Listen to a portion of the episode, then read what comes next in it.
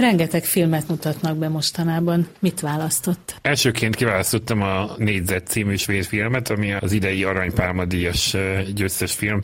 Ez mindig az őszi szezonnak egy ilyen ünnepi pillanat, amikor elhozzák a Cannes győztes filmet. Nem könnyen befogadható, azt nem mondanám, egyrészt a hossza miatt, ez több mint két órás, majdnem két és fél órás filmről van szó. Másrészt pedig eléggé olyan patchwork-szerűen van szerkesztve. Az egésznek az alapja az, hogy volt egy létező kiállítás Svédországban, ahol lerajzoltak egy szabályos négyzetet, és ráírták azt a szöveget, hogy a négyzet a bizalom és a törődés szentélye. Benne mindenki ugyanazokkal a jogokkal és kötelezettségekkel bír. Maga a kiállítás is ezt gondoltatta végig az emberekkel, hogy ez így van. Például magában a múzeumban van egy olyan installáció, ahol az ember eldöntheti, hogy jobbra megy vagy balra, jobbra az van írva, hogy bízom az emberekben, balra meg az van írva, hogy nem bízom bennük.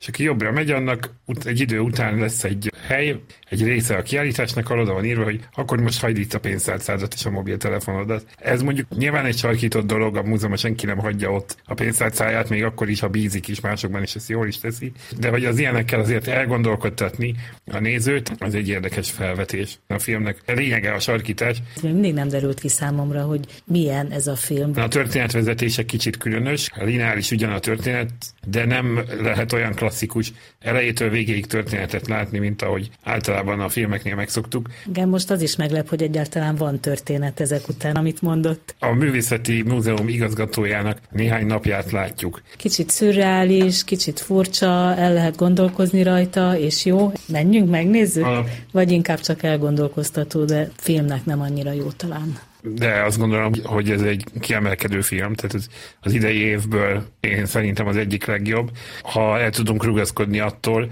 hogy nem rögtön fogjuk megkapni ezeket a gondolatokat. Tehát amikor én körülbelül egy hónapja néztem ezt a filmet a Miskolci Fesztiválon, és ott nagyon sok ember úgy jött ki, hogy hát ez, hát ez mi volt. És magam is nehezen tudtam mit kezdeni azzal, hogy ennyire darabokra van esve az egész sztori. Idővel állt bennem össze az, hogy nekem mit mondott ez a film.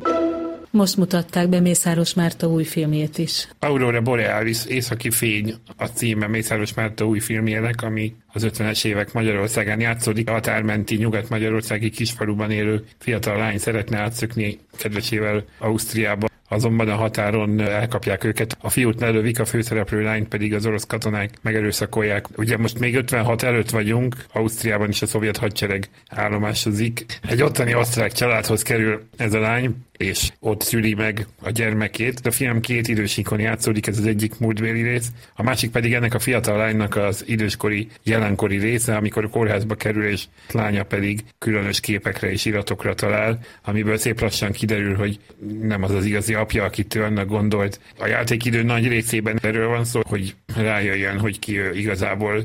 Tóth Ildikó játsza ezt a lányt, mármint a Törőcsik Mari lányát. Egyébként Törőcsik Franciska pedig az 50-es években szereplő Mari, ők hárman igazából a film főszereplői. Tóth Ildikó karaktere hajtja az egészet. Ugye ő az, aki leginkább utána jár annak, hogy ő kicsoda, és mi történt vele akkor a születése környékén, és ő az, aki aztán a film végén itt az északi fény jelenetében elmegy a Szibériába, megtalálja az igazi családját. És van megnyugvás? Van megnyugvás, az időskori Mária neki van megnyugvás abban, hogy most már nincsen titok. Nem kell magával vinnie a sírba.